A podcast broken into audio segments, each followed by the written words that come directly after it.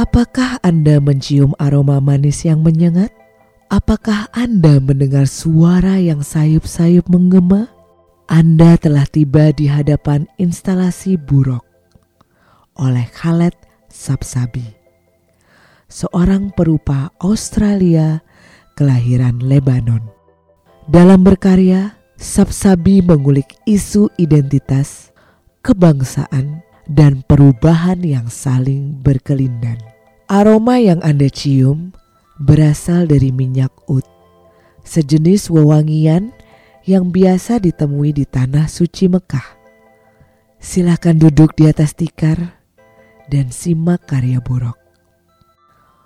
Buruk terdiri dari dua rekaman tumpang tindih. Pada latar depan terlihat siluet sekelompok santri sufi yang tengah melantunkan zikir, yaitu puji-pujian kepada Sang Pencipta. Sedangkan pada latar belakang terlihat tayangan berwarna yang menampilkan tarian kuda lumping tradisional Jawa yang sedang ditarikan dalam keheningan. Para penari menunggangi kuda tiruan dari anyaman bambu dan bergerak secara naluriah hingga sering kali kehilangan kesadaran.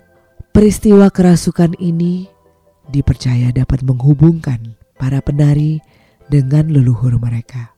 Perpaduan dari dua praktik ini mengajak kita untuk berdialog dan memberi ruang tempat cerita-cerita tradisional dapat terus hidup sehingga dapat memperkaya pengalaman spiritualitas kita.